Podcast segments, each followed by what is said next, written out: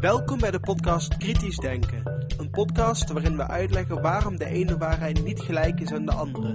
En hoe je kunt vaststellen waarom de ene waarheid juister is dan de andere. Waar we uitleggen waarom het belangrijk is om alles kritisch te bekijken. Ook deze podcast. Goeiedag, het is vandaag zondag 22 augustus 2010. Ik ben Jozef van Giel en dit is de 63ste aflevering van deze podcast. Na een zomerpauze starten we opnieuw met enkele afleveringen, in een nieuw kleedje. Mijn oproep naar de luisteraars heeft zijn effect gehad, want niet veel later zat er een voorproefje voor een nieuwe intro in mijn mailbox. Het uiteindelijk resultaat mag er zijn. Nick Lucassen, een student compositie en muziek en uiteraard een trouwe luisteraar van deze podcast, heeft de nieuwe generiek gemaakt. Je moet zeker eens naar zijn website gaan. Je kan daar enkele juweeltjes van composities op terugvinden. Bovendien is de website zelf prachtig gedesigned. Een link naar zijn website vind je op de scripts van deze aflevering en uiteraard ook op mijn linkspagina. Vandaag bespreken we het proces SCEP contra Gorter. Hierna hoor je een chroniek van het verloop van het proces dat Gorter aanspande tegen SCEP. Dr. Gorter en zijn alternatief center voor kankerbehandeling. 12 juni 2009. SCEP 2005. Aanleiding.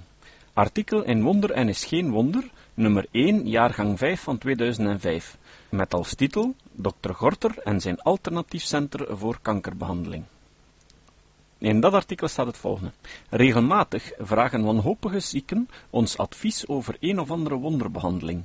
Als het om echte kwakzalverij gaat, is het antwoord meestal zeer eenvoudig en duidelijk te geven. Voor alle duidelijkheid nog even herinneren dat onze definitie van kwakzalverij, het regelmatig verkopen of aanbevelen van behandelingen of producten waarvan de werking niet bewezen is. Wie experimentele behandelingen toepast op mensen, moet aan strikte regels voldoen. De voornaamste daarvan zijn dat elk experiment eerst aan een ethische commissie moet worden voorgelegd en door deze goedgekeurd. De zieke moet volledig op de hoogte gebracht worden van het feit dat hij aan een experiment meedoet, moet dan uiteindelijk zijn toestemming geven om als proefkonijn te fungeren, informed consent, en dat hij de mogelijke gevaren ervan kent.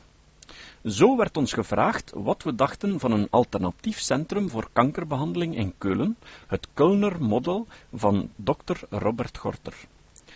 Het eerste wat opvalt is de zeer commerciële en triomfantelijke manier waarop het centrum wordt voorgesteld. Ze kunnen blijkbaar heel veel. Buiten kankerbehandelingen kan je bij hen ook terecht voor CVS, chronisch vermoeidheidssyndroom, aids en zelfs voor verjongingskuren. Ze beweren dat ze het beste van de normale kankerbehandelingen combineren met alternatieve behandelingen die allemaal degelijk bewezen of onderbouwd zijn. Al deze therapieën zijn wissenschaftlich goed gefundeerd. Alternatieve behandelingen. Welke alternatieve behandelingen bieden ze zoal tegen kanker? Februari 2005. Die therapie met dendritische cellen. Die hyperthermie. Therapieën met thymuspeptiden. Met viscum album. Misteltherapie. Met procain bicarbonaatinfusionen. Die orthomoleculaire therapie. Die enzymtherapie die Therapie zur Verbesserung der Darmschleimhaut und Flora, die individuelle Chemotherapie oder die Ozontherapie. Van meerdere daarvan is nog geen enkel bewezen nut aangetoond voor de behandeling van kanker. Van sommige weten we dat ze zinloos tot gevaarlijk zijn, zoals mistletoe of maretak, viscum album, de megadosis vitamines, ortomoleculaire therapie, de ozon, het procaïnebicarbonaat enzovoort, gewoon allemaal nep en niet ongevaarlijk. Wat de warmtetherapie betreft, die is nog in het stadium van onderzoek en er zijn aanduidingen dat ze in sommige gevallen echt zouden kunnen helpen en dat de bijwerkingen niet ernstig zijn. Ze wordt dan wel gecombineerd met chemotherapie om de medicijnen beter in de tumor te laten doordringen. De warmte kan op verschillende manieren toegediend worden. Een methode is plaatselijke opwarming door een soort radar, vergelijk met een microgolf, maar er wordt nog gewerkt aan goede protocollen om de stralen te richten. Ook kan men een arm of been verwarmen door omleiding van de bloedsomloop over een warmtebron. En men probeert ook na te gaan wat het effect is van het opwarmen van het gans lichaam. Ik citeer de mening van een kankerspecialist van de Universitaire Kankerkliniek van Rotterdam die deze methode onderzoekt. Dr. van der Zee van het Daniel den Hoed Centrum in Rotterdam, afdeling hyperthermie. Wij werken met een totale lichaamsverwarming, hyperthermia, voor een periode van 6 tot 8 uur achter elkaar. Wat Gorter doet, is verwarming voor een korte periode. Het is absoluut onduidelijk wat het effect van deze therapie is als hij slechts voor een veel kortere behandelingsduur wordt toegepast. Overigens is zowel voor de korte als de lange therapie nog volslagen onzeker wat het effect bij kanker is. Dat maakt de uitkomst van zijn therapie totaal oncontroleerbaar. Op 9 maart 2005 heeft dokter Van der Zee nog volgende precisering toegevoegd. Door een behandeling met totale lichaamshyperthermie tot 39,5 à 40 graden Celsius gedurende 6 tot 8 uur kan het immuunsysteem van de patiënt opgepept worden. In hoeverre hiermee een effect op kanker verkregen wordt, is op dit moment nog absoluut onduidelijk. Overigens is in een aantal Duitse universiteitsklinieken onderzoek gedaan naar totale lichaamshyperthermie tot een wat hogere temperatuur, 41,8 graden, in combinatie met chemotherapie. De resultaten daarvan zijn op dit moment nogal teleurstellend. Ook behandeling met dendritische cellen kan het immuunsysteem activeren tegen kankercellen. Voorwaarde daarbij is wel dat de dendritische cellen op een speciale manier opgekweekt worden. Na behandeling met dendritische cellen is bij enkele tumorsoorten ook een verkleining van de tumor gezien. Er is echter nog veel onderzoek nodig voor duidelijk is welke patiënten met deze behandeling geholpen kunnen worden. Een van de problemen met Dr. Gorters behandeling is dat hij geen informatie geeft over zijn totale patiëntengroep. Hij meldt hooguit dat het met deze of gene individuele patiënt, die dan mogelijk ook op een andere manier behandeld is, goed gaat. Maar wat je zou willen weten is of het dankzij zijn behandeling beter gaat met patiënten dan dat het zonder zijn behandeling gegaan zou zijn. Daar is alleen met vergelijkend onderzoek achter te komen, en dat is niet gedaan met zijn therapie. Overigens is toepassing van hyperthermie voor een aantal indicaties het stadium van onderzoek inmiddels voorbij. Voor cervixcarcinoom, melanoom en recidief mammacarcinoom, na eerdere bestraling is lokale hyperthermie in Nederland deel van de reguliere behandeling in combinatie met radiotherapie. Dit op basis van resultaten van gerandomiseerd klinisch onderzoek. Voor enkele andere indicaties wordt hyperthermie ook standaard toegepast in combinatie met radiotherapie of chemotherapie, op basis van fase 2 onderzoek en matched control onderzoek of goed gedocumenteerde resultaten van dezelfde behandeling zonder hyperthermie. Eerlijke wetenschappers die een nieuwe behandeling uitproberen, doen dat met uitdrukkelijke toestemming van hun patiënten en enkel na melding aan en toelating van een ethische commissie.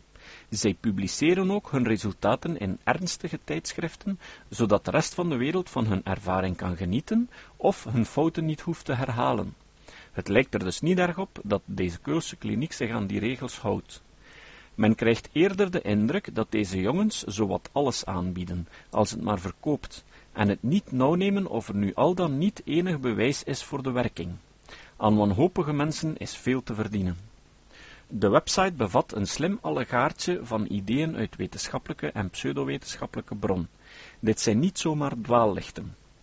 Zoals dat gaat met ideeën is het niet op voorhand uitgesloten dat er goede tussen zitten, maar deze ideeën worden in klassieke wetenschap onderzocht, getoetst en verworpen als ze vals blijken, 99 keer, en verfijnd tot therapieën als ze goed lijken, één enkele keer. Hier mankeren echter klinische testen die aantonen dat het wat toevoegt aan de bestaande therapeutische keuze. Veronderstel dat de hier geëtaleerde ideeën werkzame elementen bevatten, waarom zouden bekwame artsen die elementen niet overnemen? Omdat ze dom zijn of sluw, of omdat ze hun patiënten graag willen zien lijden? Patiënten dienen gewaarschuwd te worden voor dit allegaartje van ongetoetste therapieën. Indien ze er veel geld voor moeten neertellen, is het waarschijnlijk dat ze worden afgezet. De prijzen van al die behandelingen zijn niet min, hoewel ze beweren dat het dankzij hun goede organisatie erg goedkoop is. De kans op enige terugbetaling door uw ziekenfonds is zo goed als uitgesloten. Oordeel zelf. Hyperthermie. Een behandeling kost ongeveer 365 euro. Dat betekent dat indien een patiënt 12 keer een hyperthermiebehandeling krijgt, de kosten ongeveer 12 maal 365 is 4200 euro bedragen. Dendritische cellen. De prijs voor een vaccinatie met dendritische cellen is 3060 euro. Dat betekent dat indien een patiënt zes keer eenmaal per maand een vaccinatie krijgt, de kosten oplopen tot ongeveer 18.000 euro. Een bloedonderzoek komt op 1050 euro. De uitbater van het centrum is Dr. Robert Gorter, die zich professor noemt. Zijn cv staat op de website. In 1971 studeerde hij af als basisarts in Amsterdam en verwerft direct daarna al drie specialiteiten. Huisarts, kankerspecialist en specialist in tropische ziekten. Anschließend Spezialisation in Allgemeinmedizin, Onkologie und tropischer Medizin en studeert ook nog voor antroposofisch arts tussen 1972 en 1973. Hij doet daarbij nog aan acupunctuur, antroposofie en kunsttherapie. In 1974 opent hij al een privé huisartspraktijk en in 1975 een acupunctuurkliniek. Daarna een centrum voor natuurgeneeskunde en dan een vegetarisch restaurant. Van zijn website www.anthroposophichealth.com leren we ook nog dat hij bekwaam is in traditionele Chinese geneeskunde, acupunctuur, homeopathie, ayurvedische geneeskunde, natuurgeneeskunde en fytotherapie. Dat is wel heel veel op zeer korte termijn, als het waar is. Als we praktici in deze alternatieve behandelingen mogen geloven, vraagt elk daarvan op zich al vele jaren studie. In alle westerse landen duurt een opleiding tot kankerspecialist minstens zes jaar voltijds.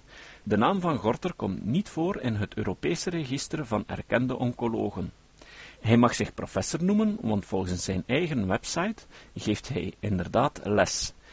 Zij het via internet, distant learning, en in de antroposofische geneeskunde. Dat is een systeem van behandeling eigen aan de antroposofie, een soort religie die uitgebreid vermeld staat in het sectenrapport. De werking ervan is niet bewezen. Dat je bij hem ook nog terecht kunt voor een verjongingskuur maakt nog meer indruk. Het gezegde luidt, als iets te mooi klinkt om waar te zijn, dan is het meestal zo. Professor Willem Bets, Vrije Universiteit Brussel. Dr. Luc Bonneux van het Federaal Kenniscentrum voor Gezondheidszorg. Toelichting. Dit artikel uit 2004 werd aangepast aan een arrest of vonnis van het Hof van Beroep van Antwerpen op 23-6-2010. Dr. Gorter had SCEP al in 2006 gedagvaard en geëist dat het artikel volledig zou verwijderd worden en vroeg een financiële compensatie wegens schade. Die eis werd in 2009 afgewezen door de rechtbank van eerste aanleg, met onder andere als motivering dat wie zich inlaat met experimentele therapieën zich blootstelt aan kritiek hierop en op zijn handelswijze. En verder ook, vermits Gorter de nodige publiciteit geeft aan zijn behandelingen, zich blootstelt aan kritiek. Gorter heeft tegen dit vonnis beroep aangetekend. Voor het Hof van Beroep heeft Gorter opnieuw geëist dat het artikel volledig zou verwijderd worden. Het Hof heeft deze eis verworpen, maar heeft wel geoordeeld dat een aantal zinnen en woorden die over de persoon van Gorter zelf gaan moeten verwijderd worden, omdat ze tussen aanhalingstekens eerrovend zijn. Vooral de woorden kwak en kwakzalver moeten weg.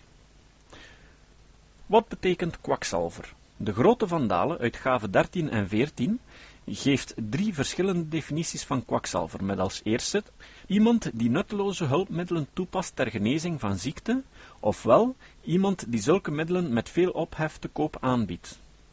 Alhoewel Skep duidelijk in het begin van zijn artikel stelde welke definitie van het woord kwakzalver ze gebruiken, namelijk de eerste, meent het Hof dat het door het publiek zal begrepen worden als synoniem voor boerenbedrieger, oplichter of knoeier, en dus een connotatie geeft met oplichterij en bedriegerij.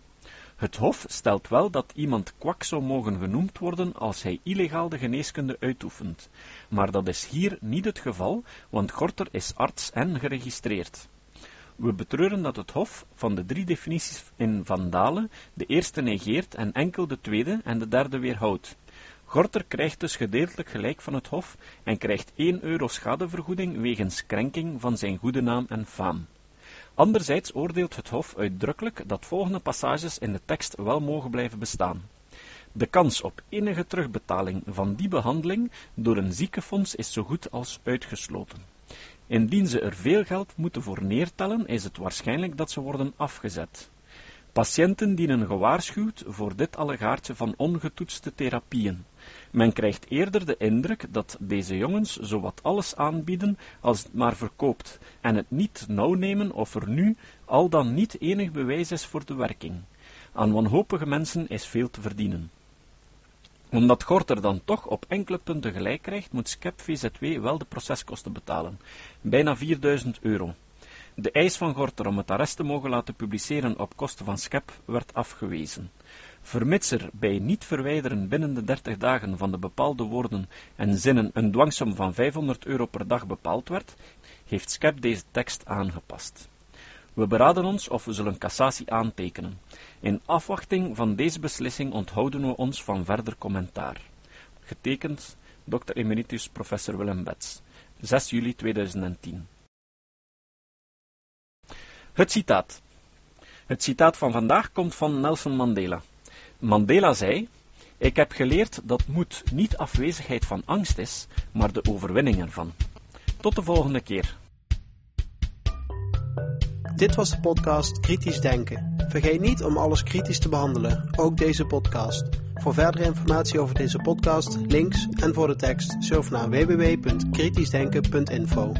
Als je deze podcast belangrijk vindt, kun je me steunen door anderen warm te maken ook eens te luisteren. Stuur een e-mail naar vrienden met een link naar de website en plaats de link in de handtekening van je e-mails. Tevens kun je op iTunes deze podcast een beoordeling geven of een recensie schrijven. Of je kan op je eigen website of blog een link naar kritisch denken plaatsen.